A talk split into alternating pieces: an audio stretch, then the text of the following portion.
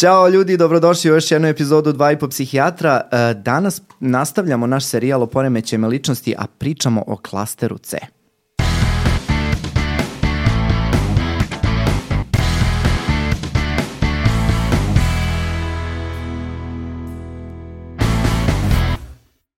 Pre nego što počnemo, moram samo da kažem da je napokon dva i po psihijatra otvorio svoj Patreon, tako da moliću sve naše pratioce verne da nas zaprate i na Patreonu, tamo ćete imati dodatne opcije za naš novi dodatni sadržaj. A, mnogo će nam značiti ukoliko nas podržite i na taj način, a istovremeno podržite nas i na YouTube-u. Ko nije do sada obavezno ovde ispod ovog videa kliknite na subscribe, odnosno preplatite se na naš kanal i lajkujte ovu epizodu i komentarišite ukoliko smatrate da su ovaj neke teme e, trebalo možda malo bolje da se objasne ili ukoliko treba nešto novo da snimimo. U današnjoj epizodi imamo posebnu gošću a, Dušanku Vučinić-Latas. Dušanka je pre svega psihološkinja, a, ona radi u bolnici za psihijatriju kliničko-bolničkog centra a, dr. Drageša Mišović, ali je takođe i profesor na Fakultetu za medije i komunikacije. Ona radi na predmetu klinička procena ličnosti i klinička procena poremećaja ličnosti i naravno ona nam je nekako najbolji izbor bila da se bavimo a, jednim, a, jednom vrstom poremećaja ličnosti o koje se možda najmanje priča. Tako da, Dušanka, hvala ti mnogo što si došla. Meni je nekako posebno zadovoljstvo da evo i ovde se družimo u ovom podcastu i da malo razmenimo mišljenja. Hvala na pozivu. E, odmah da se bacimo u temu, dakle, uh, razgovarali smo ti i ja prethodno i ovaj, gledali smo o čemu da pričamo, ti znaš da je u toku ovaj naš serijal o poremećajima ličnosti i um, nekako sam došao na ideju da se bavimo ovim klasterom C koji je nekako zanemaren kako u javnosti, tako i u literaturi, tako i u kliničkoj praksi. Pa sad mi reci da li je to i tvoj utisak i, um, i pre svega mnogo ti hvala što si uopšte odvažila da pričaš o ome s obzirom da je ovo tako jel, jedan zanemaren klaster. Uh, meni će biti jako veliko zadovoljstvo da pričam u uh, tvom vašem podcastu zato što mislim da radite jednu jako uh, važnu i dragocenu stvar. Uh, tema je meni isto jako zanimljiva. Uh, zanimljiva je zato što uh, zapravo svi mi znamo imamo u životu ljude koji imaju neki od ovih poremeća ličnosti koje ćemo danas pričati, ali paradoksalno oni su nekako u istraživanjima i u uh, teoretisanju o poremeće ličnosti često onako malo skrajnuti. Uh, iako zapravo vidjet ćemo kad budemo pričali o njima definitivno nema šanse da ne prepoznamo nekog.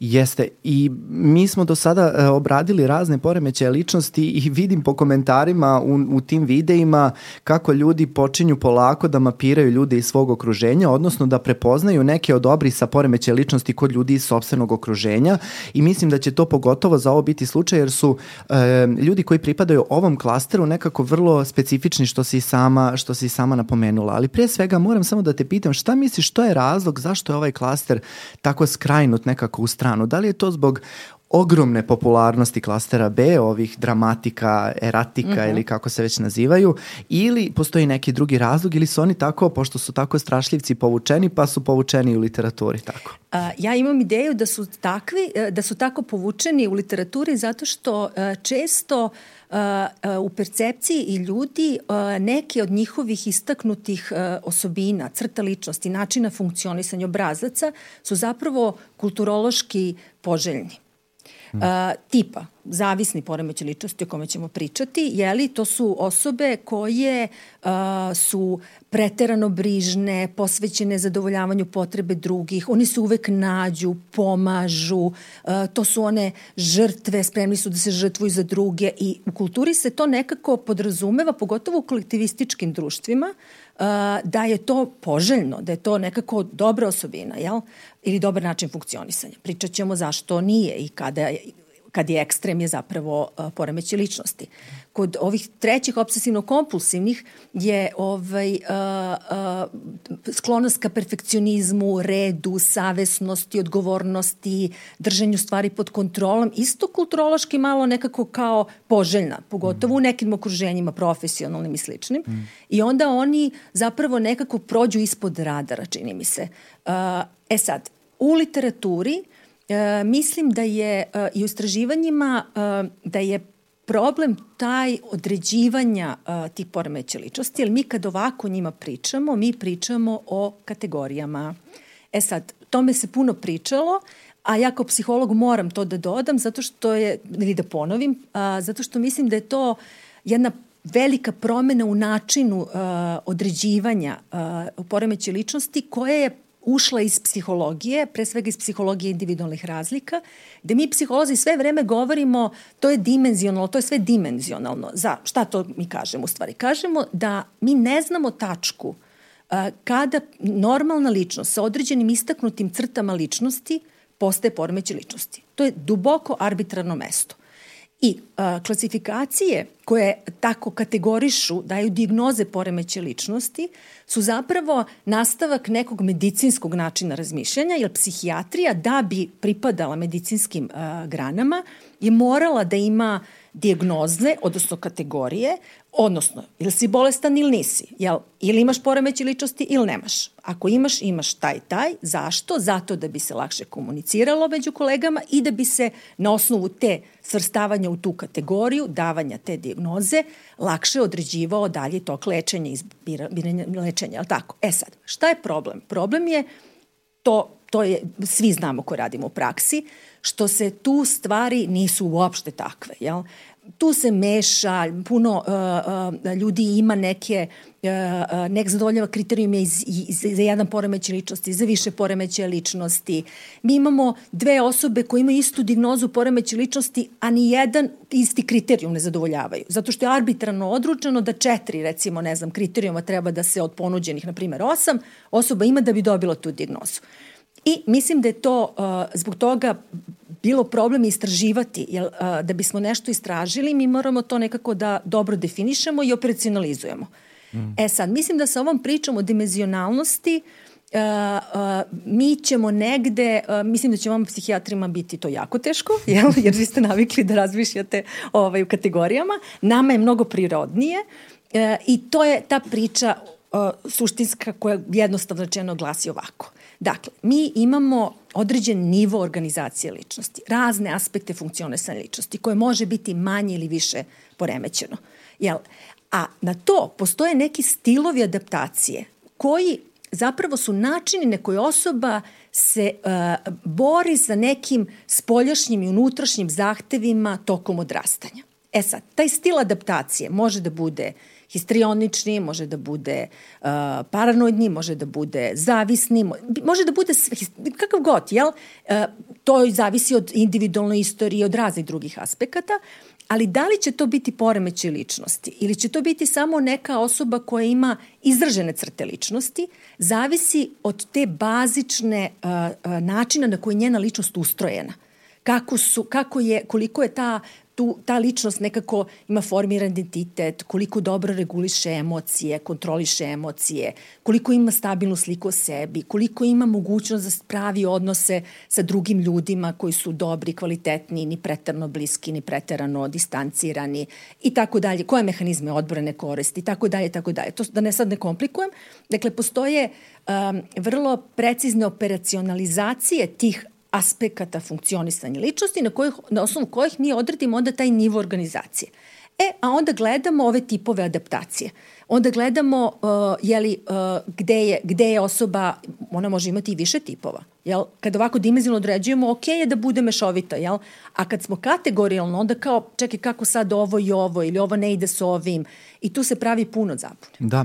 E, jako mi je drago što smo počeli uopšte u ovom svetlu da pričamo, jer e, pre nego što smo došli da snimamo, ti kažeš a, vama psihijatrima će sad da se zagorča život zato što prelazimo sa kategorijalnog na dimenzionalno. Moram da ti priznam da ne znam da li je to slučaj za starije kolege, ali nađem nama mlađim kolegama koji su koji smo učili po tom nekom um, dimenzionalnom modelu već od samog starta. Znači ja od kako sam krenuo na specijalizaciju, taj dimenzionalni model je već uzeo svog zamaha i mi smo nekako počeli da razmišljamo na taj način već od uh, samog početka naše edukacije u smeru psihijatrije, tako da meni to uopšte nije strano mm -hmm. i vrlo nekako sam izverziran da razmišljam na taj način i jako se radujem tome što će se to je koncept u stvari um, uvesti, jer ne samo da stvara uh, konfuziju našim pacijentima i opštoj populaciji generalno, nego stvara konfuziju i nama kliničarima.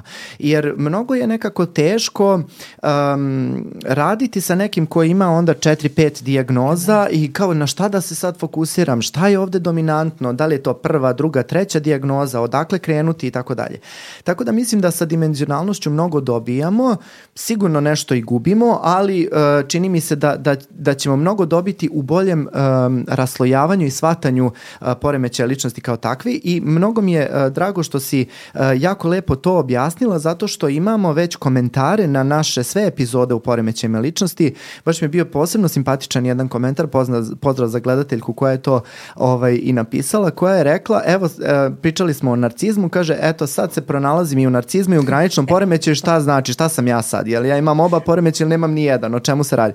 Tako da mislim, evo, da ćemo danas možda, ovaj, iako smo počeli da pričamo o klasteru C, da ćemo malo, eto, i da pojasnimo ljudima da nije sve tako crno-belo, ako si graniči ne mora da znači da nemaš obrise narcističkog ili uh, histrioničnog i tako dalje, ili upravo ovi iz klastera C kako se sve preklapaju i preklapaju, to jedva čekam da, da ili opomenemo. Ili možda još važnije da možeš da imaš neke osobine koje mi ćemo da pomenemo ili načine funkcionisanja, ali to ne znači da imaš poremeće ličnosti. Tako je. Jer ko zapravo ima poremeće ličnosti, kako ga na, onako najjednostavnije možemo ovaj, uh, odrediti. Uh, vi ste sigurno pričali o tim definicijama, ali to su oni ljudi koji imaju duboke teškoće u odnosima sa drugim ljudima i u odnosu sa samim sobom, koji, kojima to nije tako kao kad imate neki simptom, nije im tako to ego distono, nego im je nekako prirodan način funkcionisanja. I oni se načelno redko obraćaju za pomoć, osim ako su uh, prinuđeni zbog okoline, jer imaju strašan problem u okolini, ili ako se desi neka druga uh, priča, zloupotreba substanciji, depresija, anksioznost ili nešto, pa se oni jave zbog toga. Ali oni generalno su navikli da tako funkcionišu. Ali oni uh, su duboko disfunkcionalni. Ali šta je, šta je, znači to je ta, ta njihova bazična nivo organizacije je sklopljen na jedan uh, uh, patološki način, tako bih rekla. Ali to ne znači da ako ti imaš neke od ovih uh, načina funkcionisanja, da ti imaš poremeće ličnosti. Mm -hmm. To mhm. samo znači da možda imaš tu crtu ličnosti izraženu i to je ta dimenz, dimenzionalnost, dimenzija, jel? Mm -hmm. Da je normalna ličnost, pa onda, jeli, sa izraženim crtama, pa idemo blaži poremećaj, pa možda teži poremeće ličnosti, pa možda u ekstremu kod psihotičnih imamo neke aspekte funkcionisanja. Ali zaista jeste tako kada ti uzmeš MKB ili DSM klasifikaciju i kreneš po simptomima, Pa ja se prepoznah najmanje u pet. Mislim kako bih ti rekao. Tako da prosto da. nije ni čudo onda pa su ljudi zbunjeni kada na nekako na laički uh, način pokušavaju da se samo diagnostikuju. I sad imamo ekspanziju veliku mladih ljudi koji se samo diagnostikuju roditelja, evo ja sad pričam iz svoje neke svakodnevne prakse roditelja koji diagnostikuju svoju decu u smeru poremećaja ličnosti, a ne znaju u stvari za celu ovu priču da je moguće da imaju obrise uh, različitih crta ove Tako. ili one i ono što si napomenula to je taj nivo adaptiranosti na, na, na okolinu, Tako. odnosno Baš nivo tako. funkcionalnosti. Kako se neka ličnost adaptira u određenom socijalno-kulturološkom miljeu i kako funkcioniše i da li to njoj stvara subjektivnu patnju i da li će na kraju slomiti i na kraju se javiti ne, kod nas. Da, oni imaju patnju, poremeć ličnosti imaju patnju, ali oni nemaju tu, nekako im nije strano to kako funkcionišu. Skloni su da nekako a, se odnose prema svetu i drugim ljudima uh, uh, kao da su oni problem. Mm -hmm. Jel? Nekako je ovo njima prirodno stanje stvari. Za razliku recimo toga kad imaš, na primer, uh, paničan napad, jel, pa nisi poremeći ličnosti, ti, ti želiš to da rešiš, ti znaš da je to nešto što nisi ti, ti hoćeš da, da se izlečiš od toga, jel? A kada uh, um, na primjer, si granični poremeće ličnosti, pa te dečko ostavi, pa ti pretiš da ćeš se ubiješ, jel, to je, uh, to je, to je osobi potpuno normalno ponašanje. Mislim, ona pati. Da. Ne kažemo mi da ne pati, vidite kako pati. Ali je, ne dovodi u pitanje da je to nekako uh, reakcija koja je potpuno legitimna. I to je nekako najbolje pokazano na narcizmu. Malo ćemo se dotaći i te teme mm. danas, kako u stvari uh, kod narcističkog uh, poremećaja ličnosti je to nekako glavna karakteristika kako je ceo svet loš i kako su svi usmereni, bez obzira o kom se narcizmu radi, da li je to onaj vulnerabilni, mm -hmm. maligni, kako god hoćeš, ali sa druge strane, kad okreni nekako na, na ovaj, glavu i noge na opačke i opet kako god da okreneš, ceo svet je kriv i uh, ljudi su usmereni protiv te osobe i uh, to ponašanje te osobe se ne dovodi u pitanje. Da, i da. moraju da se ponašaju tako da uvaže tu osobu. Jeste. Znači, to je kod narcizma izraženo, da oni imaju tu, i, i, mislim da imaju potrebu da im se drugi ljudi dive, da rade stvari onako kako su njima potrebne, da nekako oni imaju taj unutrašnji uh, ogromnu potrebu da nekako taj duboko, duboko skriveni inferiorni deo sebe, jer ja duboko verujem da u svakom narcizmu postoji taj uh, duboko, duboko inferiorni deo uh, mm -hmm. selfa, koji se onda pokriva sa tim uh, omnipotentnim uh, strategijama jel, preživljavanja. Uh, nekada postoje pacijenti i postoje ljudi kod kojih se nikada ni ne dođe do tog dela.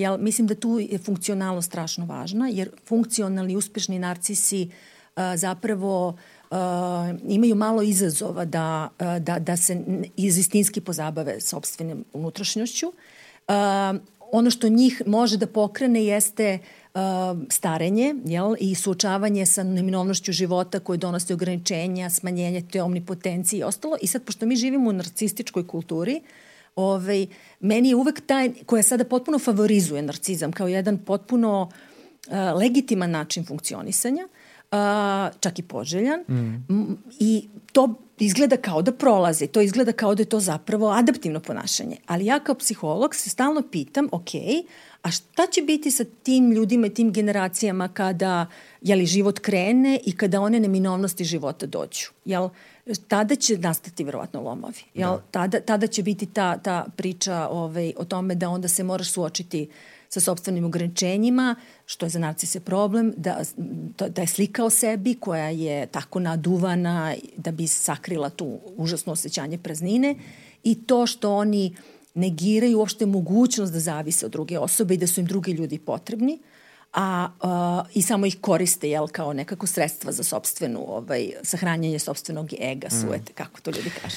E, a, malo ćemo se posle još vratiti na narcizam, ali a, e, sa, samo bih voleo znači sada da se nekako ovaj a, e, fokusiramo na a, klaster C. Mm -hmm. Dakle, a, kada govorimo o klasteru C, već si napomenuo neke od poremeća ličnosti koje spadaju u klaster C, a to su a, izbegavajući poremeće ličnosti, zavisni poremeće ličnosti i obsesivno-kompulsivni poremeće ličnosti i um, pre nego što se bacimo u svaki pojedinačno, a uh mhm. -huh. to nam je plan, uh -huh. uh, da kažemo zašto su svi oni stavljeni u isti klaster. Šta je tvoje neko mišljenje?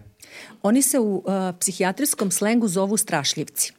Uh, ovaj, uh, to znači da je njima zajednička anksioznost uh, i uh, bežanje od anksioznosti. Uh, razni, oni pojedinačno na razne načine i sa raz, različitim, mislim, s ciljem različitim, ali generalno je anksioznost uh, zajednička uh, ovi, ovi grupi poremeće ličnosti i zato se oni često, uh, kad mi u praksi imamo ljude, mešaju, jel, često dobijemo kombinaciju uh, neku od ovih poremeće ličnosti. I mhm. zato mislim da su oni nekako stavljeni u tu grupu zajedno I to je neki pokušaj dimenzionalizacije zapravo. Mm -hmm.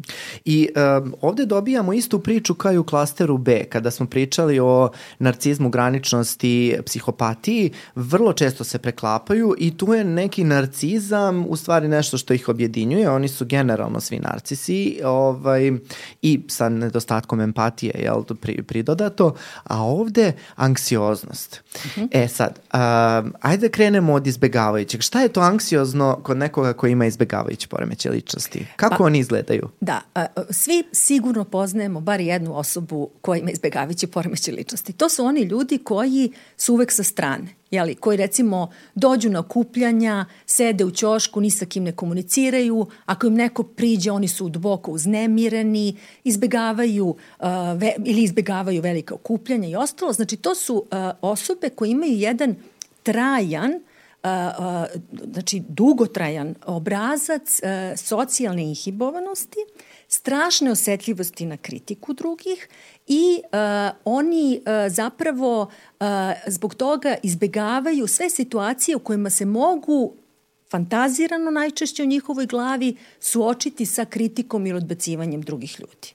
E sad, to sad koji su to kriterijumi, ja ih naravno neću onako deklarativno, nego ću probati ovako mm -hmm, da ih mhm, jednostavno mm -hmm. opišem. Znači, to su oni ljudi koji recimo izbegavaju ponude za posao u kojima treba da imaju kontakte s puno ljudi. To su recimo ljudi koji a, a, u ličnim, emotivnim, bliskim odnosima su nekako restriktivni. Zašto? Zato što je teško biti uh, skroz otvoren, autentičan, jer oni duboko u sebi misle da su neadekvatni, inferiorni, bezvredni, uh, imaju negativnu sliku o sebi i onda se i u ličnim odnosima ne otvaraju do kraja zato što znači, a što ne pokažem, onda ništa me neće ni povrediti, jel? Ove, I onda u tom smislu imaju, može se prepoznati da neko jednostavno ne može da bude do kraja ono što jeste. A, oni se vezuju ili upuštaju lične odnose samo onda kada su sigurni da će se dopasti drugim ljudima. E, tako da imaju vrlo mali broj tih ljudi oko sebe, najčešće to je neki član porodice ili bračni partner ili tako.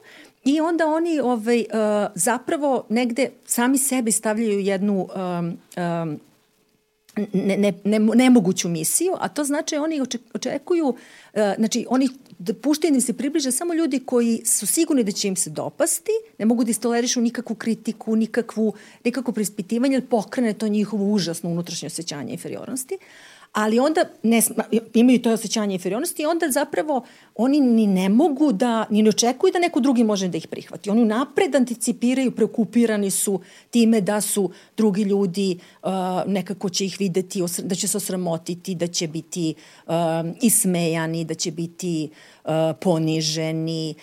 Eto, mm Mm. Ali, um, znaš šta, ne bih voleo da ljudi sada pomešaju ovaj poremećaj, lič, poremećaj ličnosti sa nekim koji ima nisko samopouzdanje. Dakle, gde je ta granica gde bi neko sa uh, poljuljanim samopouzdanjem, koji je onako sramežljiv, introvertan po prirodi, postao poremećaj ličnosti? E, Da, ti pričaš o stidljivosti, Tako je, koja je, nije, nije znak poremeće ličnosti. Prosto postoje ljudi koji se rode kao stidljivi i budu manje ili više stidljivi tokom života, ali uh, razlika je u disfunkcionalnosti. Znači, uh, uh, razlika je u tome da, kao kod svih poremeće ličnosti, uh, mnogim aspektima funkcionisanja u životu nešto je veliki problem. To znači da te osobe, na primer, uh, to, znači, ostaju da rade neke poslove usamljeničke samo zato da bi izbegli da komuniciraju s drugim ljudima. Mm. Jeli, neko ko je stidljiv će da shvati da ima poslovnu priliku pa da će uspeće nek, uz pomoć drugih, uz, jeli, uz neki ovaj, veliki napor da pobedi sobstvenu stidljivost jer mu to donosi neki veliki benefit u životu. Znači spremni su da rizikuju Tako je. Ovi, da. o, poremeći ličnosti nisu Nikako. spremni da rizikuju. Mm -hmm, mm -hmm. Dakle, oni po svu silu hoće da izbignu rizik. A rizik je neminovnost života i uh, u tom smislu oni uh, uh, oni, oni su usamljeni. Oni nisu, za kao, postoje taj schizoidni poremeći ličnosti koji isto izbegavaju socijalne kontakte, ali oni imaju smanjenu potrebu za ljudima. Ali ovi, ovi ne, ovi imaju potrebu. Znači oni žele da se druže. Žele, oni mm. žele, ali se toliko osjećaju inferiorno, jadno, bezvredno. I toliko su osetljivi na te najsubtilnije znakove kod drugih ljudi da su oni nešto, jeli, ne, nekako, jeli, da to dožive kao kritiku, kao omalovažavanje, kao podsmevanje. Do te mere su senzitivni da oni onda će pre da izbegnu to nego da se uopšte upuste u to što je neminovnost rizika u socijalnim situacijama, što znači da pre ili kasnije svi ćemo to da doživimo. Nije nikom prijatno, jel? I to, to je ovo što kad pričamo o zdravom samopoštovanju, uh, Da, zdravo samopoštovanje nije ono koje je uvek, ja sam uvek super, super, super. Zdravo samopoštovanje je ono koje kada te nešto malo, li neka situacija gubitka, neuspeha, tako nešto ispadneš, nešto glupo u društvu, što bi se reklo, mm. nije, nije sve jedno, ali ti umeš da obnoviš to iznutra, jel? Ali za uh, izbjegavajuće, to je nepodnošljivo stanje. Oni apsolutno po svu silu moraju da izbegnu sve uh, situacije u kojima na bilo koji način mogu da priđu tom, tom, toj emociji. Ne mogu da zamislim koji je to pakao kad ti imaš to unapred određeno predubeđenje uh, da, će, da ćeš se od, odmah se nekome mm. nećeš svideti na prvu mm. I ukoliko se to čak i obistini, čak i na tom fantazmatskom nivou, kao što si rekla, ti se slamaš potpuno. Znači to, to boli Tako više je. nego bilo koja druga, da kažem, ono, yes. telesna bol. Bukval. I zato izbegavaš. Je li to yes. poenta yes. u stvari? Apsolutno. Da. Pa kako neko onda takav oformi bilo kakvu emotivnu vezu, novu, ne pričam ono, dobro, ajde sad tu imaš te neke osobe iz okoline, mamu, tatu, brata, sestru, pretpostavljam da je to neki safe zone, odnosno sigurna zona u kojoj ljudi manje više plivaju. Ali kako je kada treba da zasnuješ neku novu, neki novi odnos sa kolegama na poslu, sa socijalnim kontaktima, nekim emotivni odnos? Izbegavaš. Su to, izbeg... I to onda ne funkcioniše? Pa da. -huh. I to je ta disfunkcionalnost poremeće ličnosti u ekstremu. To je razlika odnosu na neko ko je stidljiv. Da. Da, znači upravo taj, taj, ta spremnost da se u stvari izađe iz samog sebe i potraži i rizikuje na neki način, mislim rizikuje opet Jest. pod, pod I oni redko traže psihoterapijsku pomoć. Pa izbegavaju. Da, zato što je psihoterapija sučavanje. da, jest. Jel, suština priče je da ti, da bi ušao u psihoterapiju, ono najbazičnije jeste to da si ti spreman da se nekako otvoriš, da se suočiš sa tim teškim osjećanjima, to je ono ključno kod njih da oni to izbegavaju i oni zbog toga redko traže ovaj psihoterapijsku pomoć. A jesi li imala nekad nekoga u terapiji ko ti se obratio iz nekog razloga i onda na kraju se otkrije da ima u stvari izbegavajući poremeće ličnosti? A, da, ali kad, kad bi došli, došli bi zbog nekih drugih uh, uh, simptoma. To se tek otkrije uh, tokom vremena. Jel? Uh, dođu recimo najčešće oni uh, zbog uh, na primer, uh, dešavalo se zbog anksioznosti, so, recimo socijalna anksioznost, to tako definišu. I sad to jeste zanimljiva tema, to sam baš malo gledala sada, jer, jer mi je u glavi bilo, čekaj, koja je razlika između socijalne fobije, generalizovane socijalne fobije i izbegavajućeg poremeća ličnosti. Mm. I tu sad lome se koplja. Možda je to u stvari isto, a možda je nešto različito. I sad šta je različito, jel? Da, postavili smo sebi ista pitanja. ja sam, dok sam razmišljao o tome, isto sam pitanje sebi postavio i onda sam našao neke radove gde različiti istraživači na poljima ovaj, izbegavajućeg a, poremeća ličnosti, ja ima ih jako malo, a, stavljaju soci, poremeće socijalne anksioznosti i a, izbegavajući poremeće ličnosti na jedan kontinuum. Mm -hmm. I onda se kaže da je ovaj na jednoj strani, drugi je na drugom, odnosno pripadaju tom istom spektru.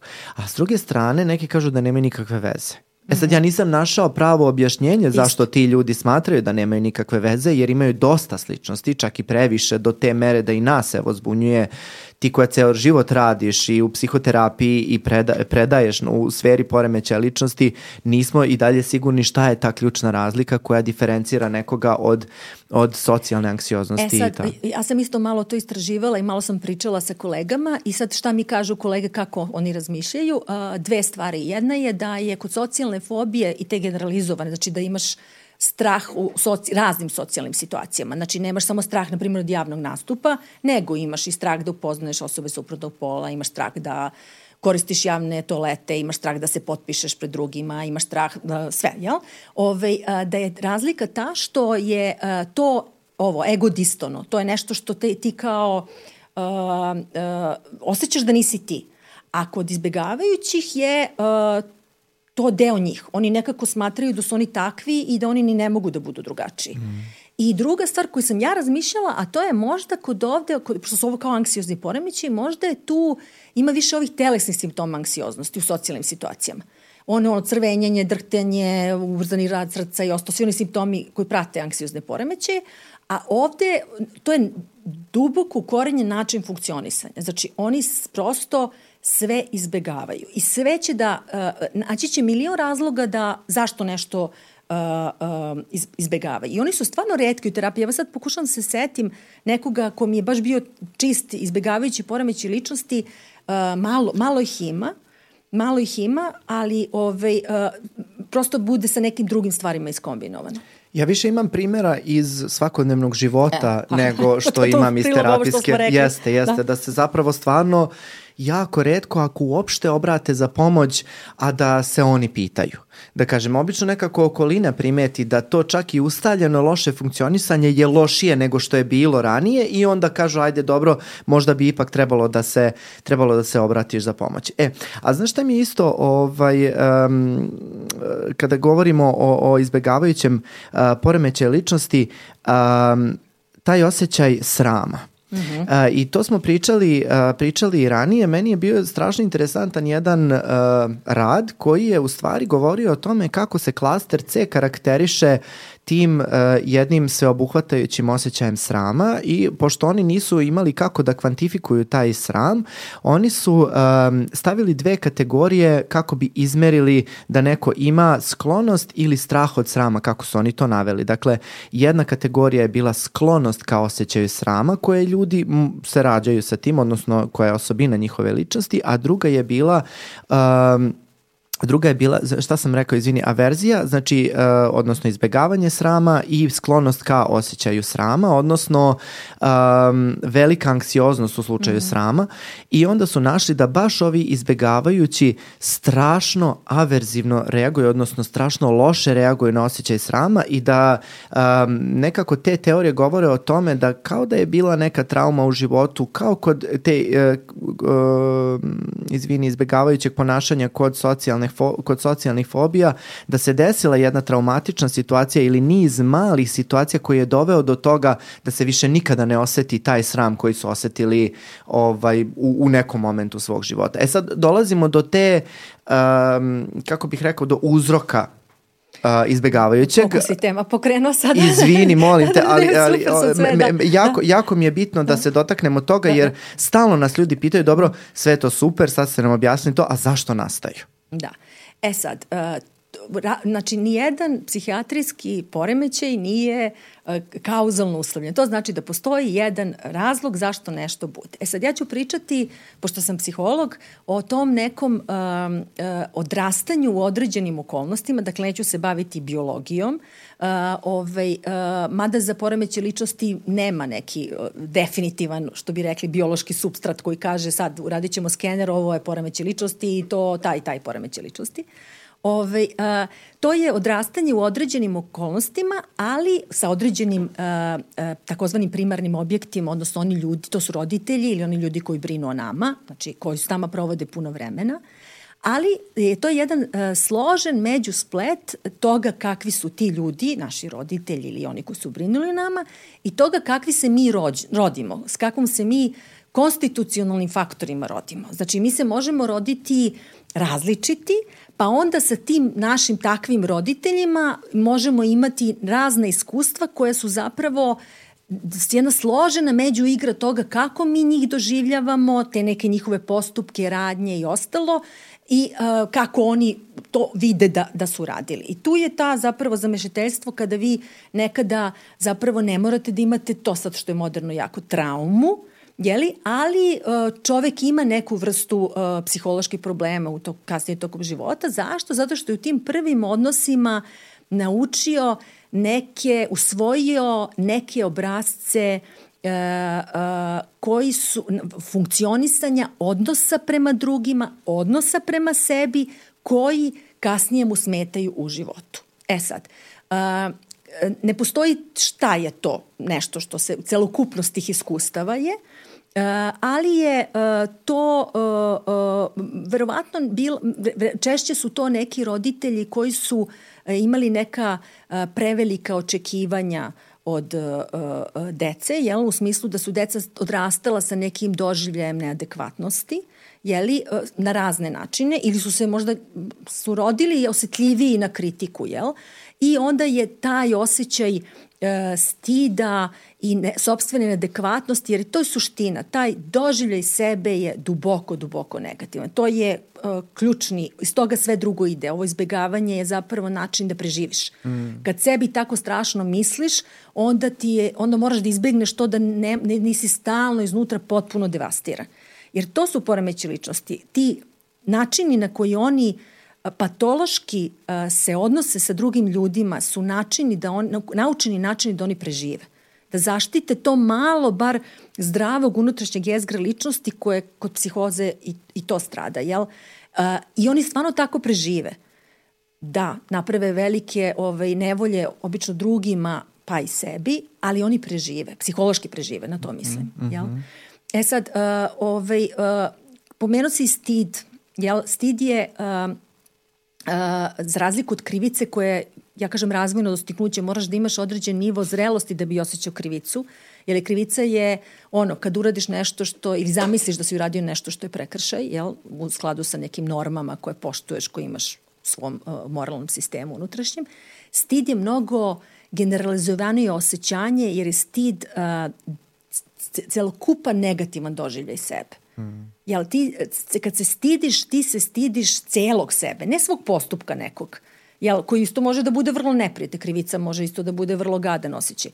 Ali ovo je nekako ceo ti si nekako inferiorno, to su ljudi koji uh, uh, nekako teško zapravo uh, uh, dovode uopšte u pitanje taj unutrašnji doživljaj uh, sebe i ne, nemaju moći da ga preispitaju. Prosto to, po tome se, nekako to je toliko čvrsto, nepobedivo, ne, ne može se tome prići. Pa kad recimo u životu neko pokuša kao, pa čekaj bre, što, što ti tako misliš, kad bi mu rekli, jel što tako bre misliš o sebi, ne znam, imaš to, to, to, ovakav si, ovakav si, onakav si, nema šanse. Nema šanse, oni duboko u sebi to veruju i to je to. A kako je živeti sa nekim koji ima izbegavajući poremeće ličnosti? Jer um, napomenuli smo da vrlo često oni ni ne razvijaju te neke uh, socijalne kontakte pa ni duboke emotivne odnose, međutim nekad se desi. Nekad se desi da se udaju, ožene, dobiju decu i tako dalje. Kako je živeti, kako izgleda život sa nekim koji ima izbegavajući poremeće? E sad, uh, vjerojatno da li to uopšte, post, te, mislim, da li si čula postoji, za to? Da. Jesam, jesam. To se često naprave te kontradiktorne kombinacije, jeli, da se izbegavajući veže za neko ko je, na primjer, histrioničan, jel? To su one osobe koje vole društvo, koje vole izlaske, koje vole to, malo kao površne, malo, jel tako? I onda nekako po, uz pomoć njih malo nekako ovaj, ta osoba za njih odrađuje i ostalo. Ili se desi to da nekako ostanu sami ili to su oni ljudi, znate oni ljudi koji recimo ostare sa bratom ili sestrom. Mm -hmm. Znate, one, one nekako nikad se ne vežu ni za koga, nikad se, pa onda kao dve sestre koje su, to su malo, iz, to je kombinacija recimo zavisnog, izbjegavajućeg, verovatno nekog obrazca, jel?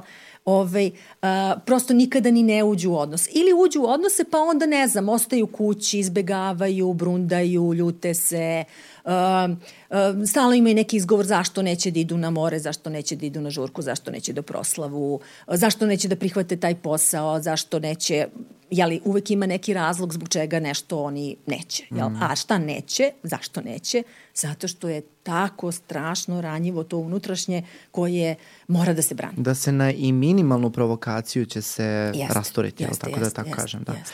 E sad, um, ja sam pre možda nekih mesec, dva dana sreo jednu svoju staru pacijentkinju koju znam još od specializanskih dana i ona je meni rekla, pa što ti nikada, mislim, ona je već sa mnom na ti, ovaj, što ti nikada ne ispričaš moju priču, moja priča je strašno mm -hmm. interesantna. I odlučih se ja da ispričam njenu priču, sad pozdrav za nju, ovaj, uh, zato što je u, nekako se uklapa u taj izbegavajući obrazac. Ona nije imala postavljenu dijagnozu izbegavajućeg poremeća ličnosti, ona je primarno došla zbog depresije.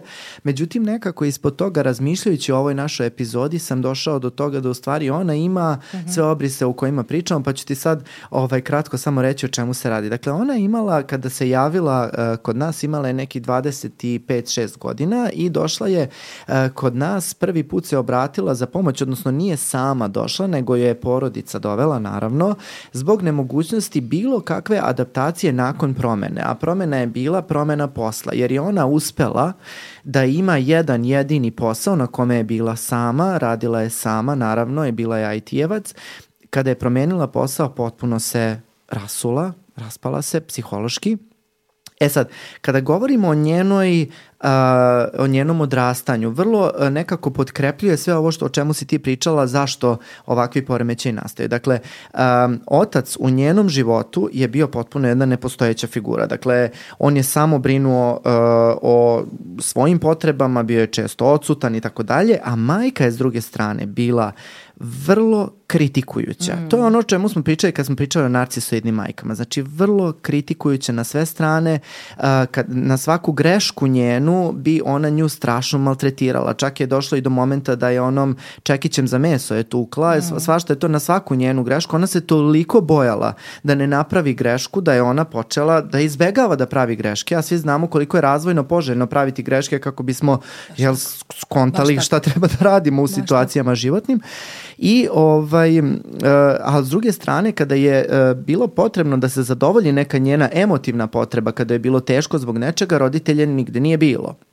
I sa, sa, sa te strane je ovaj ona nekako razvila tu, tu jednu, eto, tako se, kako bih rekao, ovo što si ti rekla, uh, sakrila se u toj nekoj svojom, u svom unutrašnjem svetu i počela da izbegava uh, i da izbegava sve oko sebe.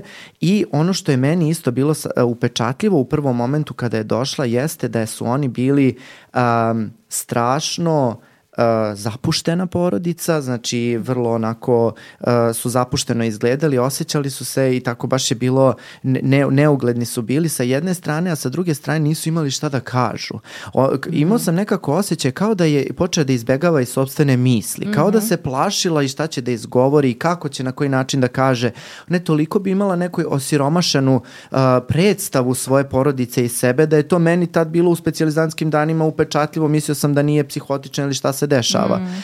Sada je ona mnogo bolje, znači sada je prolazila, ona godine terapije su prošle i sad kad sam je video potpuno sam se šokirao kako ona sada funkcioniše, izgleda i mnogo mi je drago i to govori u prilog tome da situacija zapravo može da bude mnogo bolja, ali uh, hoću da kažem, znači sve ovo o čemu smo pričali, znači taj jedan zanemarujući roditelj, s druge strane jedan vrlo kritikujući roditelj koji nikako ni na koji način ne ispunjava emotivne potrebe svog deteta, može da stvori uz ovu predispoziciju o kojoj si pričala, ovaj mentalni sklop sa kojim se, odnosno sklop ličnosti sa kojim se rađamo, može da stvori tu izbegavajuću sliku. Ovo ti je baš savršen primer. Da. Ovaj, to je ba, baš, baš to i možda je ovaj, uh, uh, u celoj toj priči to, to dobro da si, da, da, što zapravo ona je imala taj kapacitet da ti dozvoli da poveruje uh, u mogućnost da ne mora da izbegava odnos sa tobom. I onda je sa tobom zapravo napravila to neko što mi zovemo korektivno emocionalno iskustvo, jel?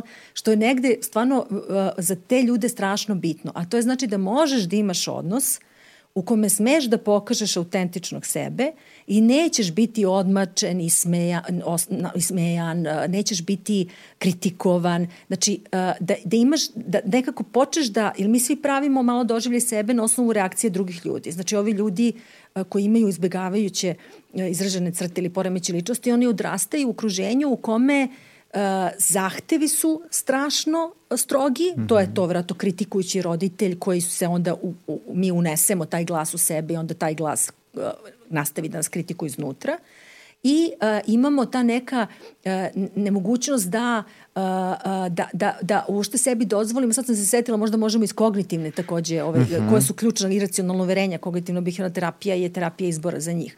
Zato sam se ovaj, malo uh, prestala da pričam o ovome. U svakom slučaju, oni su uh, ljudi koji uh, imaju dva, dva ključna, i to da kažem odmah, dva ključna uverenja. Jedno je, uh, uvek me svi posmatraju, ja sam bezvredan. I onda iz toga svega uh, uh, imaju ideju da nekako su stalno u centru pažnje, ali pošto su bezvredni, inferiorni i loši, jel, onda će ti drugi ljudi vide kakvi su oni i onda iz toga idu sva, sve druge uh, sekundarna ona iracionalna uverenja najrazličitije vrste. Mm. Zato sam i počeo ovu priču jer uh, kako sam je počeo, rekao sam ona je sa mnom na ti. To je ogrom, ogroman korak bio za nju i to je meni strašno bitan jedan uh, korak u celokupnom našem odnosu. I kada govoriš, jako mi se sviđa ovo što si rekla uh, kada si pomenula to korektivno iskustvo u interpersonalnim odnosima. Dakle, ona kroz svoje odrastanje ni jedan stabilan odnos, nikakvu referencu nije imala na koje će da se vrati u sadašnjem životu da bi znala kako se funkcioniše u interpersonalnim odnosima Tako. do ovog momenta terapijskog odnosa. Tako je, a onda se taj dobar terapijski odnos vratio je nadu, odnosno da odnos može da bude dobar i onda se ona možda upustila u drugi odnos u živote, jer dobri odnosi leče. Jel? I onda je moguće da je nekako taj njen dalji put bio zato mm. tako ovaj dobro. E, pomenula si KBT, jako mi je drago da si to uradila, svakako sam je razmišljala, pričamo o tretmanu ovih poremeća ličnosti, ali ajde kad smo sad već se dotakli te teme, a, šta znači iracionalno uverenje a, ove osobe i na koji način je to sklono korekciji? Aha. E, pa, kognitivno bihevna terapija polazi od toga da mi imamo ta neka bazična, ključna iracionalna uverenja u vezi sebe ili sveta, koja mi nismo toga svesni. Znači, mi sad ne, nemamo ideju da to imamo. Ali iz njih ide milion nekih drugih uh, uh, uslovnih iracionalnih uverenja i načina našeg razmišljanja koji doprinosi tome da mi dokazujemo iznova iznova da to naše bazično iracionalno uverenje, recimo u ovom slučaju ja sam inferiorna, je uh, uh, tačno. To znači da ja, ovaj, na primjer, sekundarno iracionalno uverenje može da mi bude, ako napravim nešu, neku grešku, to znači da sam ja uh, manje vredna i inferiorna. Mm. Recimo, ako ja danas ne budem uh, mnogo dobra u novom podcastu, to znači da sam ja bezvredna. Mm -hmm. Jeli? I, uh, da, ako te ja pitam nešto, ispašću glup, jel? Uh, uh, da, ako Aha. me ti nešto pitaš, ja ću sigurno ispasti glupa mm -hmm. i to mhm. će dokazati da sam ja ovaj, uh, bezvredna, mm -hmm. uh, inferiorna. E, a takođe ću ja i nekako uh, sve skenirati u svojoj okolini, odnos s tobom, priču, kako me gledaš, ostalo na način tako da potvrdim to svoje uverenje iracionalno. Jeli, u smislu... Znači tako, kroz prizmu te tako misli. Je, tako je, mi mhm. imamo sklonost da mislimo i da skupljamo one informacije koje nam odgovaraju, koje potvrđuju ono što mislimo. Nismo baš skloni kao ljudi da nekako lako primamo informacije koje su suprotne onome što mi mislimo, a ovo su ključne stvari koje se tiču života.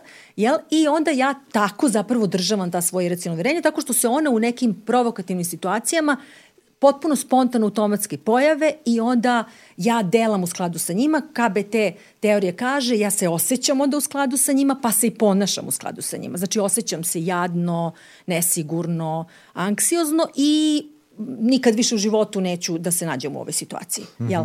To su, to je... Znači šta bi KBT terapeut u stvari radio? Identifikao, odnosno mapirao ta iracionalna uverenja je. i pokušao da ih ispravi, jel? Nudeći nova, razim, nadam se. Sa da, da, da, mm -hmm. radi, radi se, naravno radi se raznim tehnikama, se e, dve stvari rade u KBT-u i zato je dobro za recimo izbjegavajuće poremeće ličnosti i za sve anksiozne poremeće. Dakle, ne idemo samo na nivo razumevanja šta je to pogrešno, disfunkcionalno ili nama nekorisno razmišljanje, koje onda dovodi do uh, tih osjećanja koje su teška i ponašanja koje su loša za nas, nego, znači, da, to se uh, uh, disputacijom se opovrgavaju i traže racionalne alternative, ali ono što rade KBT-ovci, oni i uh, prave uh, behavioralne zadatke u kojima osoba se izlaže ono, onome čemu se, čega se plaši, uh, sa tom idejom da, što je ispravna ideja, da zapravo strah koji se hrani izbegavanjem i pojačava može da se smanji samo tako što se ti izložiš toj situaciji. Dakle, svaki put kad ti izbegneš neku situaciju, ti pojačaš strah od te situacije. Podhranjuješ sobstveni strah. Apsolutno. Mm -hmm, I ti, mm -hmm. jedini način da ti nekako smanjiš taj strah, osim tog unutrašnjeg razumevanja, zašto, kako i ostalo, jeste da se upustiš i vidiš uh, da je taj strah savladiv, podnošljiv. Pazi, ali jako uh, mi se sviđa to kako si objasnila, znači to ide vrlo duboko, znači nije samo na nivou te sekundarne misli, nego mi dolazimo do primara, dolazimo do životne filozofije. Životne filozofije. A zašto sam to naglasio? Zato što nekako uh, nešto što prati KBT-ovce i, i KBT terapiju generalno jeste da ona nekako, eto sad ću citirati jednu osobu iz mog okruženja, kaže, ma to je samo neko drljanje po površini, meni treba analiza da uđe u, du, du, u duboku suštinu mene da me shvati u potpuno. Znači nije, ne bih rekao da je to tako, e, koliko ja vidim dolazi se i do suštine problema i sa drugim psihoterapijskim tehnikama. Ja se apsolutno slažem sa da. time. Da, samo prosto različiti ljudi uh, imaju preferencije za različite vrste psihoterapije. Mm. Ja uvek ljudima govorim da je strašno važne dve stvari u izboru psihoterapije. Prvo da se malo uh, nekako obavestite o tome koje vrste psihoterapije tre, tre, postoje i šta vama treba. To znači da ako imate tako neki problem, koji može da se reši KBT-om, onda idete na KBT. A ako želite to, da istražujete svoj unutrašnji svet, da istražujete koje to sile u vama doprinose tome, onda idete na dubinske terapije. Jel? Grupna terapija je odlična za, za izbegavajuće. Mm. Jel, zašto? Zato što ona po svojoj prirodi je mesto gde moraš da budeš sa drugima i da u jednom sigurnom okruženju, pogotovo male terapijske grupe, da u jednom sigurnom okruženju istražuješ i svoje strahove i svoje odbrane i svoje odnose s drugim drugim ljudima i kako te drugi ljudi stvarno vide i kako ti vidiš druge ljude i to, one mogu da budu dobre s tim što je za njih to naravno pakao pomisao samo da, znači oni ne mogu onako samo da uđu u grupu, to treba pa priprema. zar da. nije samo izlaganje uopšte da se čovjek pojavi na grupnoj terapiji, mislim to. Jeste izazovno, jeste, ali je strašno puno ove novog iskustva donosi. Da.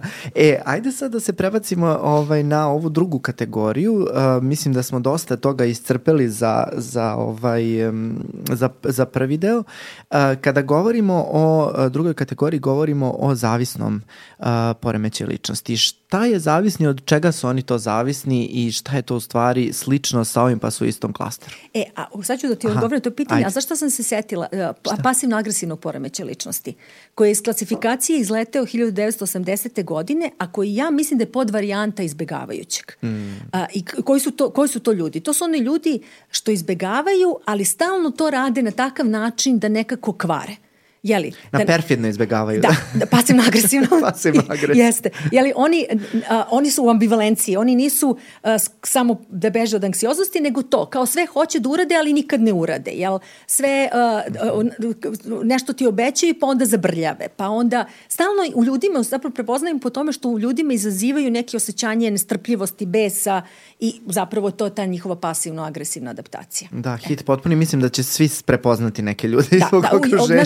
Da, meni je neka moja, neko ljudi kod koje sam učila psihoterapiju rekao da se pasivno agresivni ljudi prepoznaju u stomaku. Mm. Jednostavno to osetiš u sto, kad ti onako igra želudac, što bi se reklo, a ne možeš da kažeš ništa. Sve je kao okej, okay, sve u redu, vrlo su ljubazni, sve ostalo, a tebi u stomaku nešto igra, da je to vjerojatno pasivno agresivno delo. Znaš o čemu se radi, da, da, da. da. E, ajmo mi da se vratimo ajmo na, na zavisne. zavisne. Da. Ajde.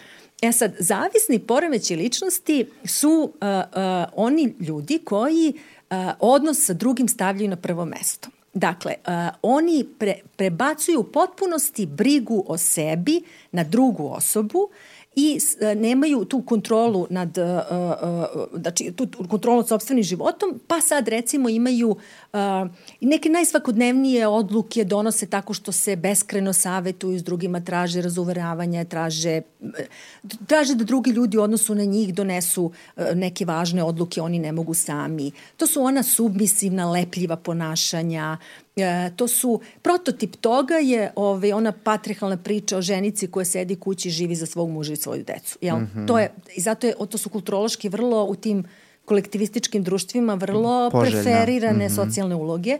Jeli?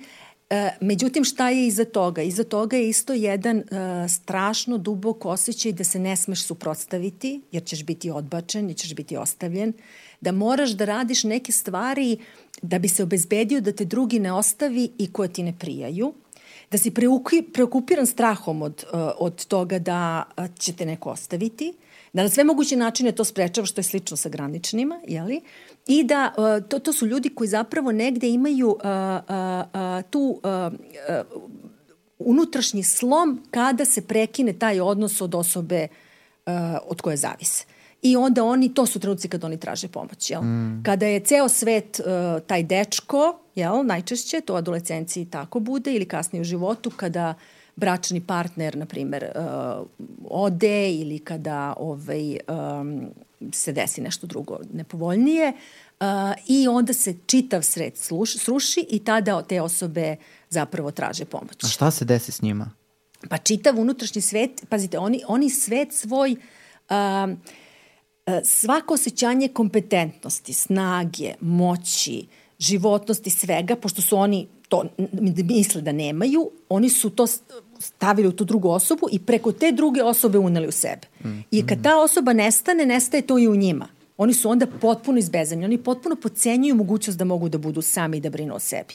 Oni potpuno imaju ideju da ako ostanu sami da neće preživeti. To je to iracionalno verenje. Ako me ostavi, neću preživati. Mm. Jel?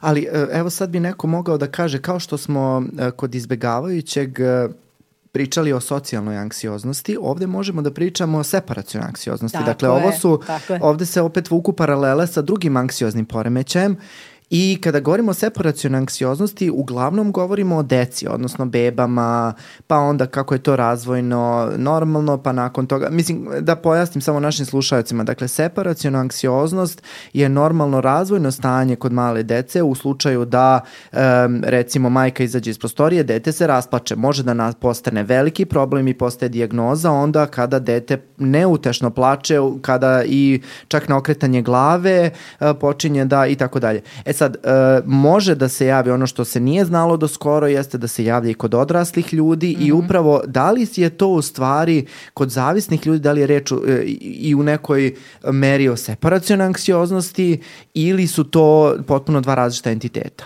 E, to je sad ista priča kao za socijalnu da, fobiju. E, to. to, to je, Teo sam da te da, pitam da, da li ti ist, misliš da je to isto, u stvari da, ista priča. Taj separacioni uh, poremećaj uh, kod odrasli, koji je sad ušao kao nova diagnostička kategorija, je malo sada, jeli, meni isto tako, on ima svoje kriterijume, ostalo on mi malo mi je problematičan u odvajanju uh, odnosu na granično, recimo, uh, granične poremeće ličnosti uh, koji imaju tu izraženu taj stravičan strah od, od, od napuštanja, odvajanja i u krajnjoj kod zavisnih, kod kojih isto postoji separacija oksioznosti, u stvari strah od napuštanja, jel? Uh, zato što osoba tad čita svet joj se sruši, jel? Ona mm. ne može sama da bude sve najdublje anksioznosti, izleću strahovi, jel? Ona ima dožive da neće da preživi ako, ako taj neko je ostavi, od koga zavisi. Mm. Zato je to toliko strašno i devastirajuće iskustvo. I kada sam uh, malo više se bavio uh, zavisnim poremećajem ličnosti, uvek me asocira na zavisnost od substanci.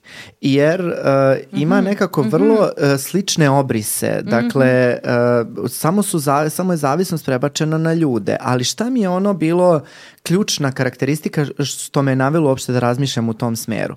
Znaš kako kad se neko stavlja u kategoriju zavisnosti, to znači da će osoba nastaviti da konzumira substancu iako je loša po nju i on je toga svestan. Na primer, znači nastavit će da se drogira iako recimo ima hepatitis C, ima HIV i raspada mu se organizam iznutra, na primer od neke substance. Isto tako, i ljudi koji pate od zavisnog poremećaja ličnosti će nastaviti da bivaju u odnosima sa drugim ljudima u koje su projektovali sve to što si ti rekla lepo, um, ostajaće u tim odnosima iako je to loše po njih.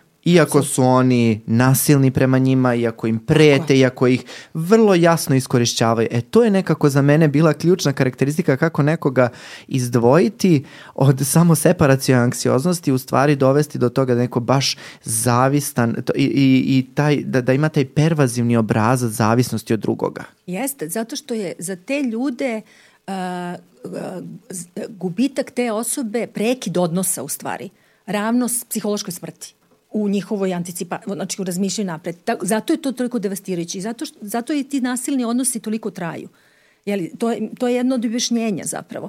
Mislim, ljudi su skloni da raz, razne tu ime, ali to znači da je tim, recimo, ženama koje žive u nasilnim odnosima, njima je prekid odnosa sa tom osobom ravno psihološkoj smrti i manje, manje je skupa cena nego to nasilje koje se dešava. To je ekstreman slučaj. Ali kad nije ekstreman slučaj, kada ta osoba nije nasilna, problem je u toj autentičnosti i individualnosti. Znači, to su osobe koje ne prepoznaju sobstvene potrebe, ne, ne zadovoljavaju svoje potrebe, ne mogu da ih naglas kažu glasno, jer se plaše odbacivanja i ostavljanja, I sad oni udovoljavaju, jer ako tom nekom udovoljavaš, udovoljavaš, udovoljavaš, onda taj neće te napustiti, jel? Nema šansa da te... Ili je manja šansa se. da se dete... Jeste, jeste. Mm -hmm. Ali šta se dešava? Dešava se to lepljivo ponašanje. I onda u jednom trenutku partneri često počnu da osjećaju da su ugušeni od strane te osobe, jel? I ona je do te mere nekako posvećena, zalepljena, oslonjena na njih, ništa ne može sama. Ja sad pričam u ženskom rodu, ali može da bude i obrnuto, jer, to sam istraživanje našla, jako je bilo zanimljivo, kad pričamo o zavisnosti, ideja nam je oboma vjerojatno intuitivna da su žene sklonije zavisno, zavisnošću. E, i šta se pokazalo? Kad se rade uh, mere uh, zavisnosti uh, kod uh, self-report uh, merama, znači onim upitnicima u kojima mi ljude pitamo o nekim načinima funkcionisanja i znači gađamo onaj deo koga smo mi svesni, ono što mi znamo o sebi. Zaista žene u većoj meri pokazuju te zavisne tendencije. Ali ako koristimo drugi način ispitivanja zavisnih ponašanja, i muškarci i žene su potpuno podjednaki u tome. Znači, žene su, vratno kulturološki, mhm. spremnije da priznaju ili su svesnije svoje zavisnosti, da zavise od toga, da. a muškarci imaju neke indirektnije, prikrivenije načine da te svoje zavisne tendencije zapravo uh, od, odžive, što bi se reklo. Pazi ti to čoveče, mm. lisice, lisice. E, dobro, e, a znaš šta mi je isto, ovaj, um, kada govorimo o zavisnim poremećima ličnosti, nekako um, imam osjećaj Uh, što u kliničkoj praksi, što ovako u životu, kada god se govori o, o zavisnim poremećima ličnosti, povezujemo ih sa, drugih poremeć, sa drugim poremećima ličnosti kada govorimo o emotivnim odnosima. Dakle, uvek uh, nekako stereotipno ubacujemo zavisni poremeće ličnosti i neki grandiozni, recimo na narcisa ili graničnog ili nekoga ko kao dominira, kao kombinaciju. Mhm. -huh. Stavljamo ih zajedno u odnos. Međutim, ne mora uvek da bude tako. Ajde da stavimo osobu koja ima zavisni poremećaj ličnosti sa nekom stabilnom osobom bez poremeća. Znači stabilnom i tako, mislim, kako da kažem, mm -hmm. samouverenom, ali ne do nivoa poremećaja ličnosti i tako dalje, neke, neke, da kažemo, potpuno prosečne, bazične karakteristike. Koliko guši zavisni poremećaj ličnosti, jer meni to zvuči strašno kada neko ne može samostalno ništa. Koliko je to teško u stvari e, živeti na taj način da neko od tebe u potpunosti zavisi i da li se to pogoršava vremenom ili se poboljšava, a da osoba ne ide na terapiju?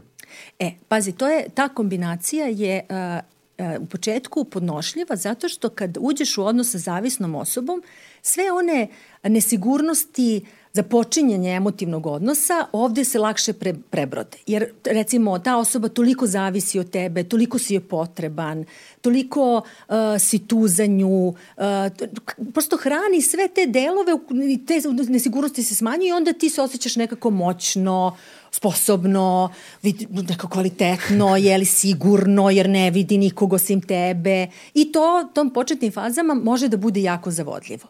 E, kako protiče vreme, kada polako počinjemo jel, da živimo stvarne živote, onda počinje taj osjećaj e, gušenja. Jel? Onda od jedan puta nemaš, nemaš osjećanje vazduha, jel? zato što stalno moraš da e, nekako brineš o toj osobi, jer ona ne može da se brine o sebi i to postaje opterećenje. A šta onda bude još problem? Ako ti recimo nešto kreneš da, e, to je tipična dinamika, ako ti kreneš nešto toj osobi da zameraš, da guraš u autonomiju, ona će da pojača to ponašanje udovoljavanja. Znači jel? pogoršava se, da, to ona, će da mi kaže. Ona će još, jel ona, jel ona je naučila da jedino tako u stvari može da funkcioniše. To su ljudi koji odrastaju u okruženjima najčešće sa onim preterano zaštićujućim roditeljima koji beskreno infantilizuju svoju decu. I nauče ih, to su one mamine princeze, jel? Koje samo treba da budu lepe, a s mama i tata će sve za njih i sve će im doći na, na, ovaj, e, na tacni samo i one ne moraju ništa, ništa, ništa, sve mama i tata rade umesto njih i onda one nekako nauče da su one nesposobne, jer neko drugi mora za njih to da radi, nisu ni probale da nešto urade sa sebe i onda kasnije u životu traže partnere koji će biti kao, na primjer, taj tata, jel? I onda ovaj, uh, pokušavaju da odigraju ponovo taj obrazac, ali suštinski trpnja je u tome što nema autonomije, što nema tog doživljaja sebe. Jel, šta ja želim, šta meni treba, tog osjećaja da nešto si efikasan, da nešto možeš sam, da nešto... I drugo, zavisiš od nečeg s polja. Mm. Jel, a, a kad, šta god da se naše nešto suštinsko, unutrašnje, zavisi od nečeg ili nekog s polja, to nam nije sigurno. Jel, postoji rizik da to izgubimo, a onda se dešava ta velika unutrašnja uh, ove, velike unutrašnje lomovi, koji su i šanse za razvoj. A, a jel se dešava situacija, evo, kako bi izgledao kad, da nam je roditelj zavisni poremeće ličnosti, jer onda imamo velike poteškoće onda u puštanju te dece i Tako. da li zavisni uh, roditelj pravi zavisničko ponašanje, ne mislim na zavisnost od substanci, nego zavisnost poremeća ličnosti, da li uh, uh, se nekako i ta deca kopiraju ponašanje, jer ja nekako m, mi je uh, potpuno logično da uh, uh, majka recimo, evo što pričamo o ženama najčešće, znači uh, da majka koja ima zavisni poremećaj ličnosti i govori tako kako ništa ona ne može sama, kako sve mora da se delegira u druge ljude, kako uh, nije sposob, kako ovaj svet nije, uh, sigurno nije mesto. sigurno mesto, kako sve moramo da da, da uz nekoga i tako dalje, mogu da zamislim onda i tu decu kako će na taj način da razmišlja. Da li se to dešava isto? Pa sigurno se i to dešava. Mm. Mislim da za, kad, ako majka zavisi od deteta, zbog, uh, jeli, onda, onda to dete ne pušta. Jeli, to je potpuno logično. Mm.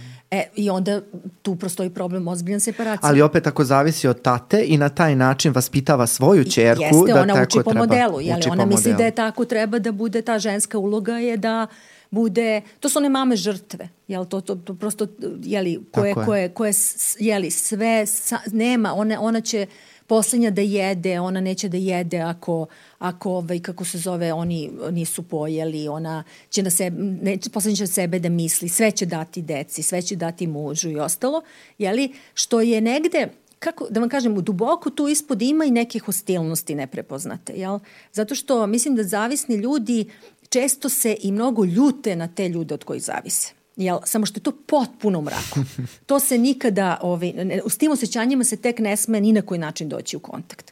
I možda je za njih zapravo najveći terapijski izazov i to, jel, da se, da se, Povežu sa da tim. se povežu sa tim osjećanjima. Ali kako i ne bi, mislim, zamisli da, se, da te neko suoči, da te neko pljesne u, u facu sa, sa tim saznanjem i onda se nekako ceo tvoj izgrađeni uh, svet ruši u tom momentu. Mm. Nekako potpuno, mm. potpuno mogu to mm. da razumem.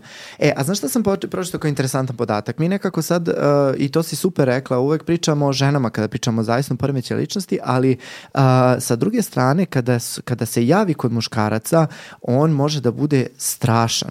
I uh, zašto kažem strašan? Zato što sam pročitao da je najveći procenat uh, ubistava u braku u smislu femicida, u, u smislu ubijanja sobstvenih supruga jeste kod uh, muževa koji su patili od zavisnog poremećaja ličnosti. Odnosno, dešava se u trenucima kada oni, bilo fantazmatski, bilo u realnom vremenu, do, uh, dolazi do gubitka, odnosno do razdvajanja i ne, njihove nemogućnosti opstanka samostalno u svetu. Da, e, mo, moguće, s tim što bih ja tu dodala da mislim da mora da postoje i malo ovaj, nekih drugih uh, Uh, poremeće ličnosti u jes, slažem se, da, da, da. Za tako, da, tako dramatične reakcije na gubitak tog uh, objekta sigurnosti. Da, da. Jeste. To su, recimo u terapiji ti ljudi, to se isto zanimljivo reći, strašno je važno, oni mogu biti strašno veliki izazov terapeutima, zato što ostaju dugo u terapiji, zato što oni počnu zavise od terapeuta. E, da. I, to, I tu je sad strašno važno, uh,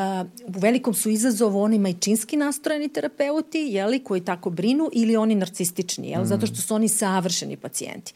Oni udovoljavaju, oni čitaju, oni su savršeni pacijenti, oni rade tačno ono što se očekuje, jel?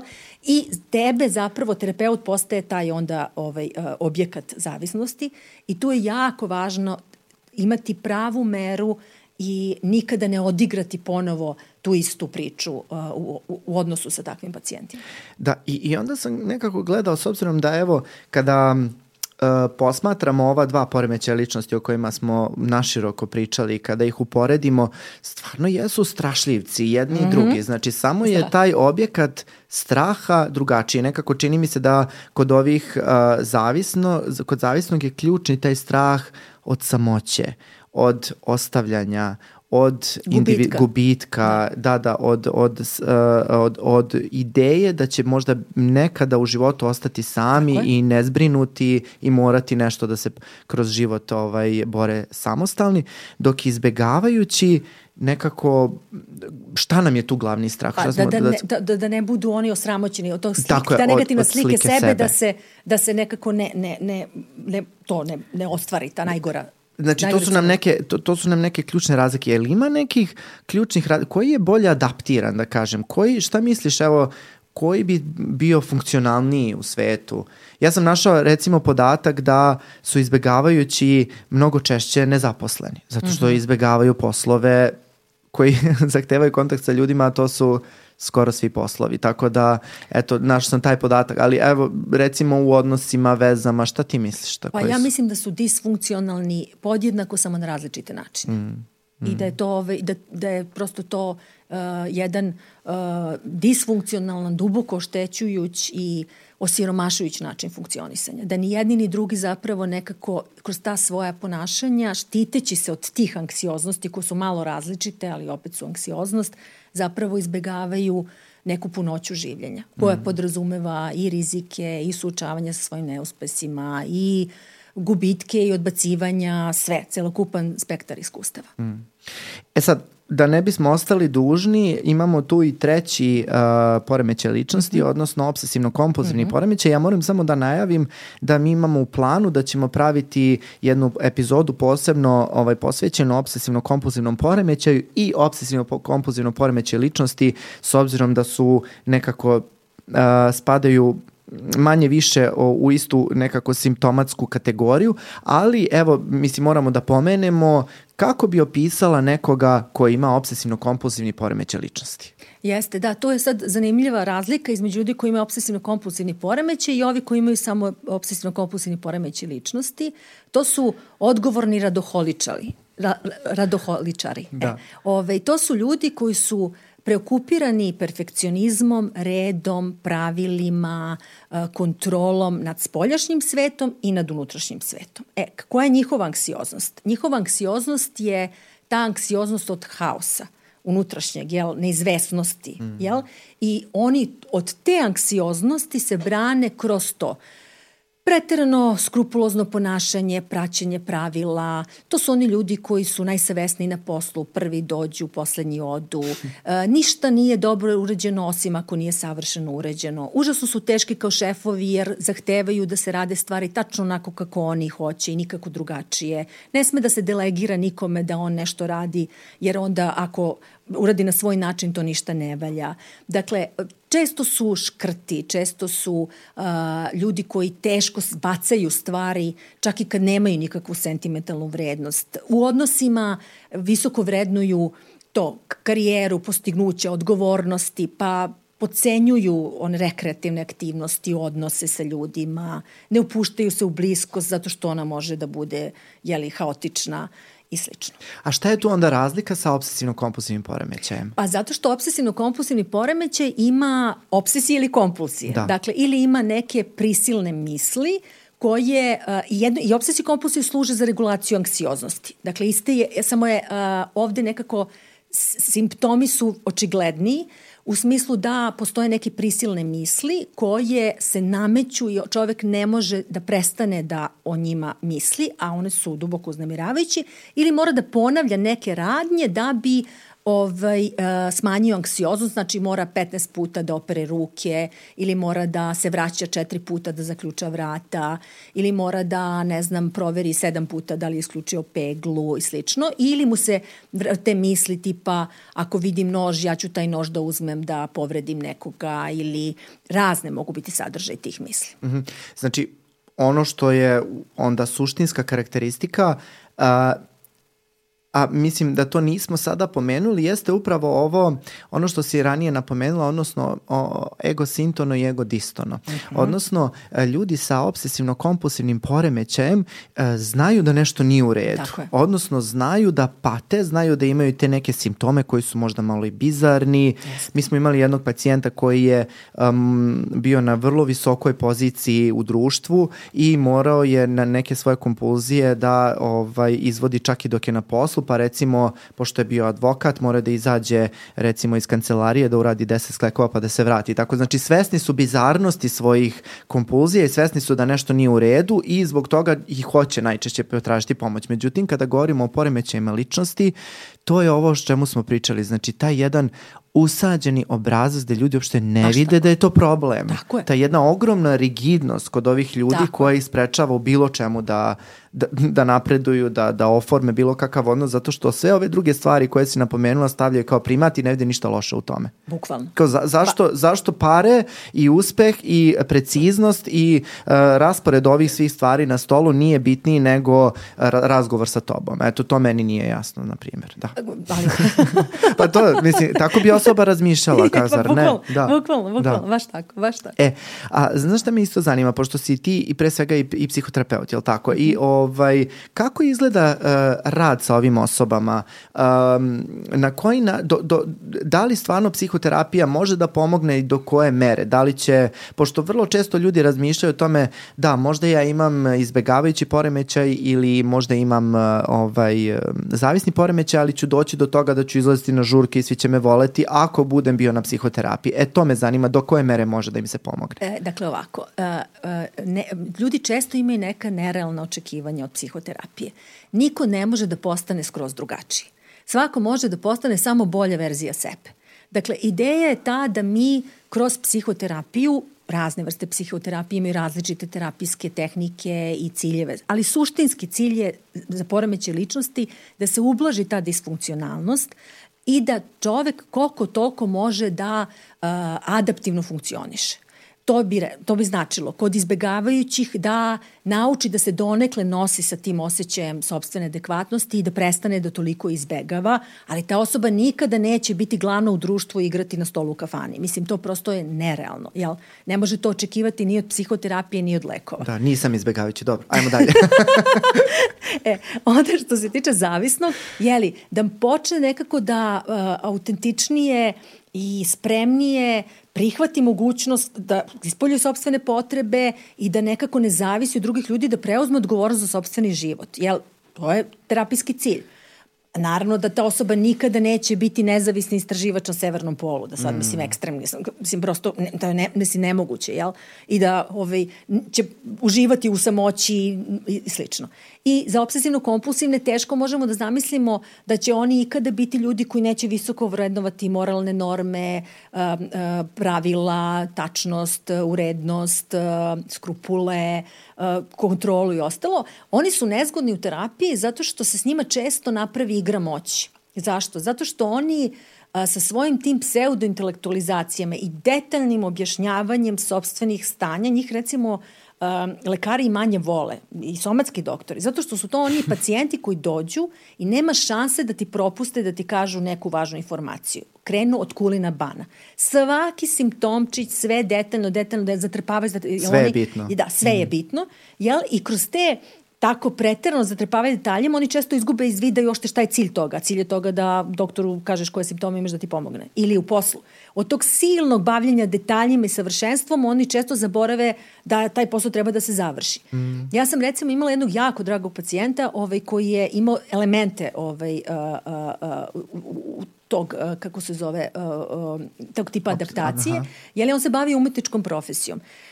On je zbog perfekcionizma i zbog straha od izlaganja svog uh, uh, umetničkog stvaralaštva nikada nije završavao stvari. Nikada nije završavao stvari.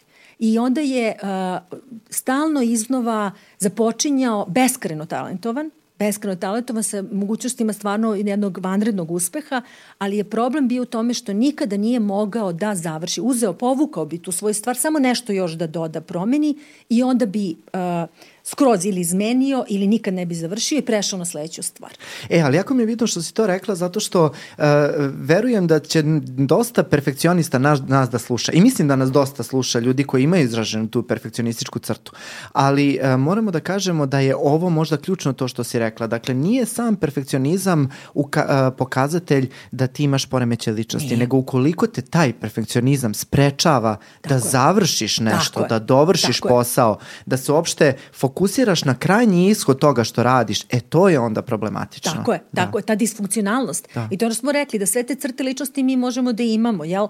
Ali i razne, i možda ih i više imamo, ali kad to pravi ozbiljan problem u životu u mnogim situacijama. E to je isto važno reći šta su poremeće ličnosti. Dakle, kažemo da poremeće ličnosti imaju probleme u odnosima, neke disfunkcionalnost u odnosima. Ali koja je razlika između ljudi koji nemaju poremeće ličnosti? Što oni mogu da budu disfunkcionalni u samo jednoj vrsti odnosa. Naprimer, da imaju problem sa autoritetima. I onda oni sa autoritetima imaju i strah od kritike, i ambivalenciju, i izbegavanje, ali su mogu da prave dobre odnose i sa kolegama, i sa prijateljima, i sa emotivnim partnerima.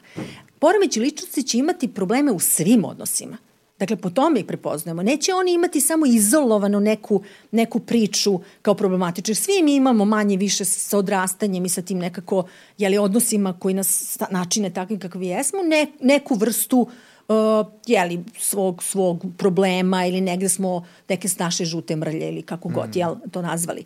E sad, uh, ali ovo, ovo, ovo je generalizovano, to zato se to kaže u tim klasifikacijama, u mnogim kontekstima, dugo traje, čini osobu disfunkcionalnom, znači uh, sprečava je da živi jedan pun kvalitetan život. Mm.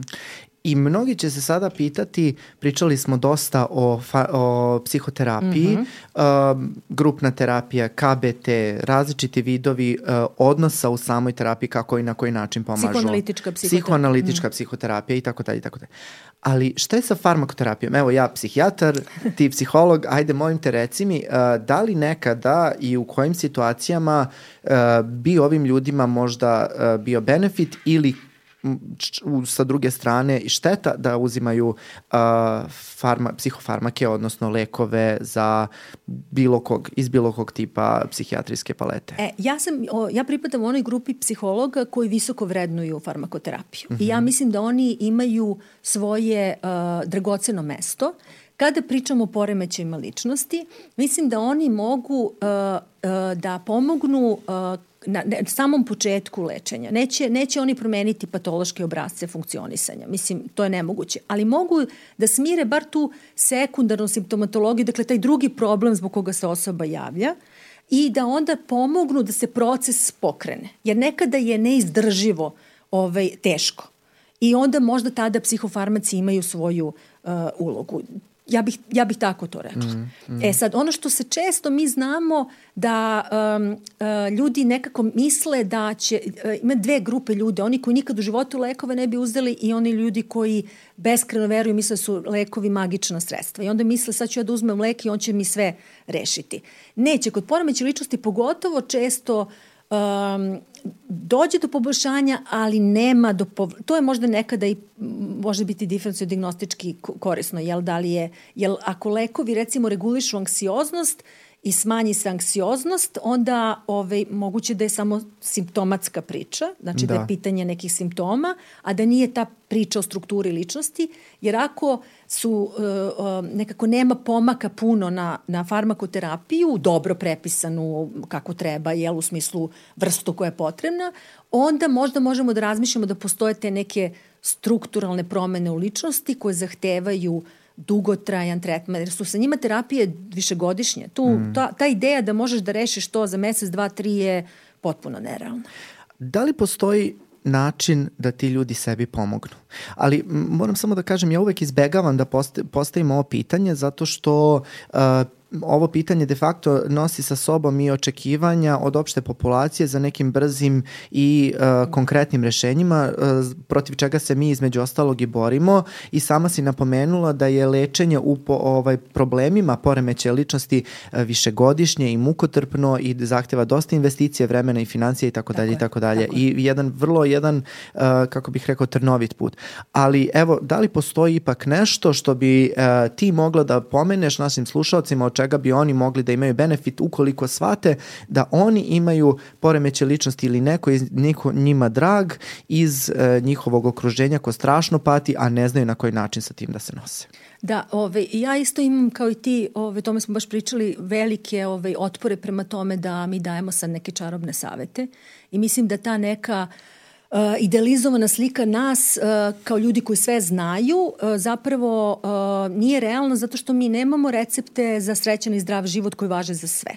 Prosto je strašno važno da smo mi tu neki saputnici na putu osobi da spozna sebe, razume sebe bolje i da nekako na, otkrijete svoje disfunkcionalne načine funkcionisanja i nešto sa njima uradi. E sad, uh, naravno ljudi, strašno im je važno da nekako, dobro, evo sve ste vi sad to pričali, ali šta sad ja tu mogu? Da. Ja e, duboko verujem u mogućnost e, iskrenog razgovora sa sobom.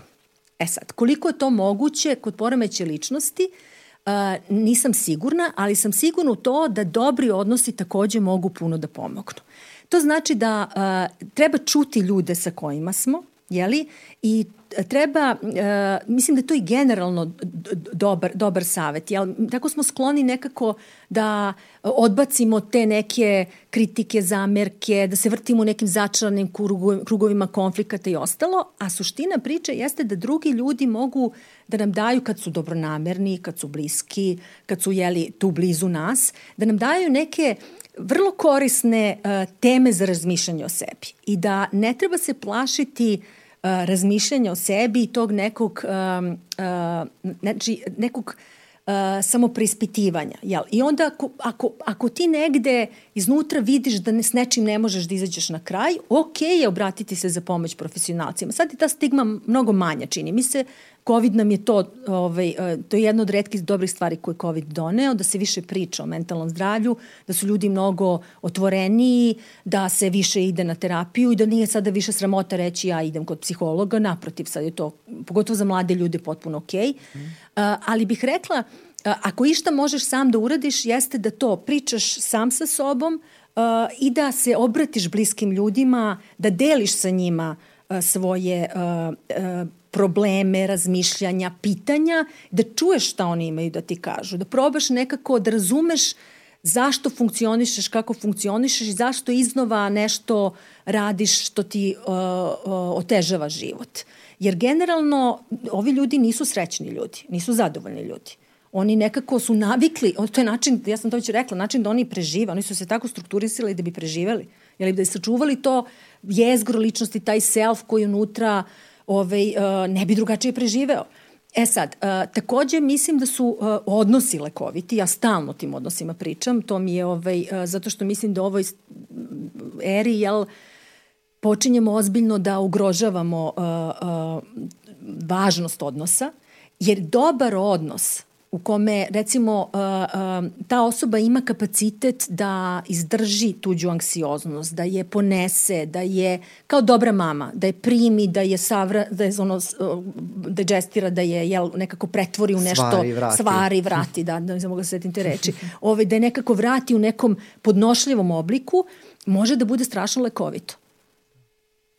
Ne, izvini, molim te, uvukla si me u ovaj, jako mi se svidale svi ovi saveti koje si podelila sa nama i mislim da smo ovde nekako zaokružili celu epizodu upravo zato što smo krenuli od toga da živimo u narcističnom društvu i da smo previše okrenuti sebi i da nam je pouka koju iznosimo iz ove epizode u stvari otvorite se ka spolja.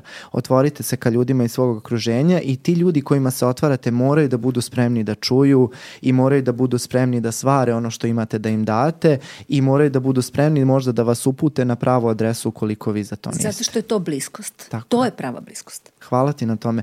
I hvala ti još jednom što si bila naša gošća. Stvarno predivno, ovaj, predivna epizoda. Ja sam uživao. Nadam se da ti je bilo lepo. Bilo mi je jako lepo. Hvala tebi na poziv još jedan put. E, nadam se da će nam doći ponovo. Uh, ljudi, uh, hvala vam još jednom što ste bili sa nama. Ovo je bila još jedna epizoda u našem serijalu Poremećaja ličnosti. Uh, ukoliko imate još nekih predloga o čemu biste volili da pričamo, obratite nam se u komentarima. Znate da slušamo i znate da pratimo sve vaše komentare. Naravno, subscribeujte se na naš kanal ukoliko želite da gledate više našeg sadržaja i do sledećeg druženja vidimo se. Ćao!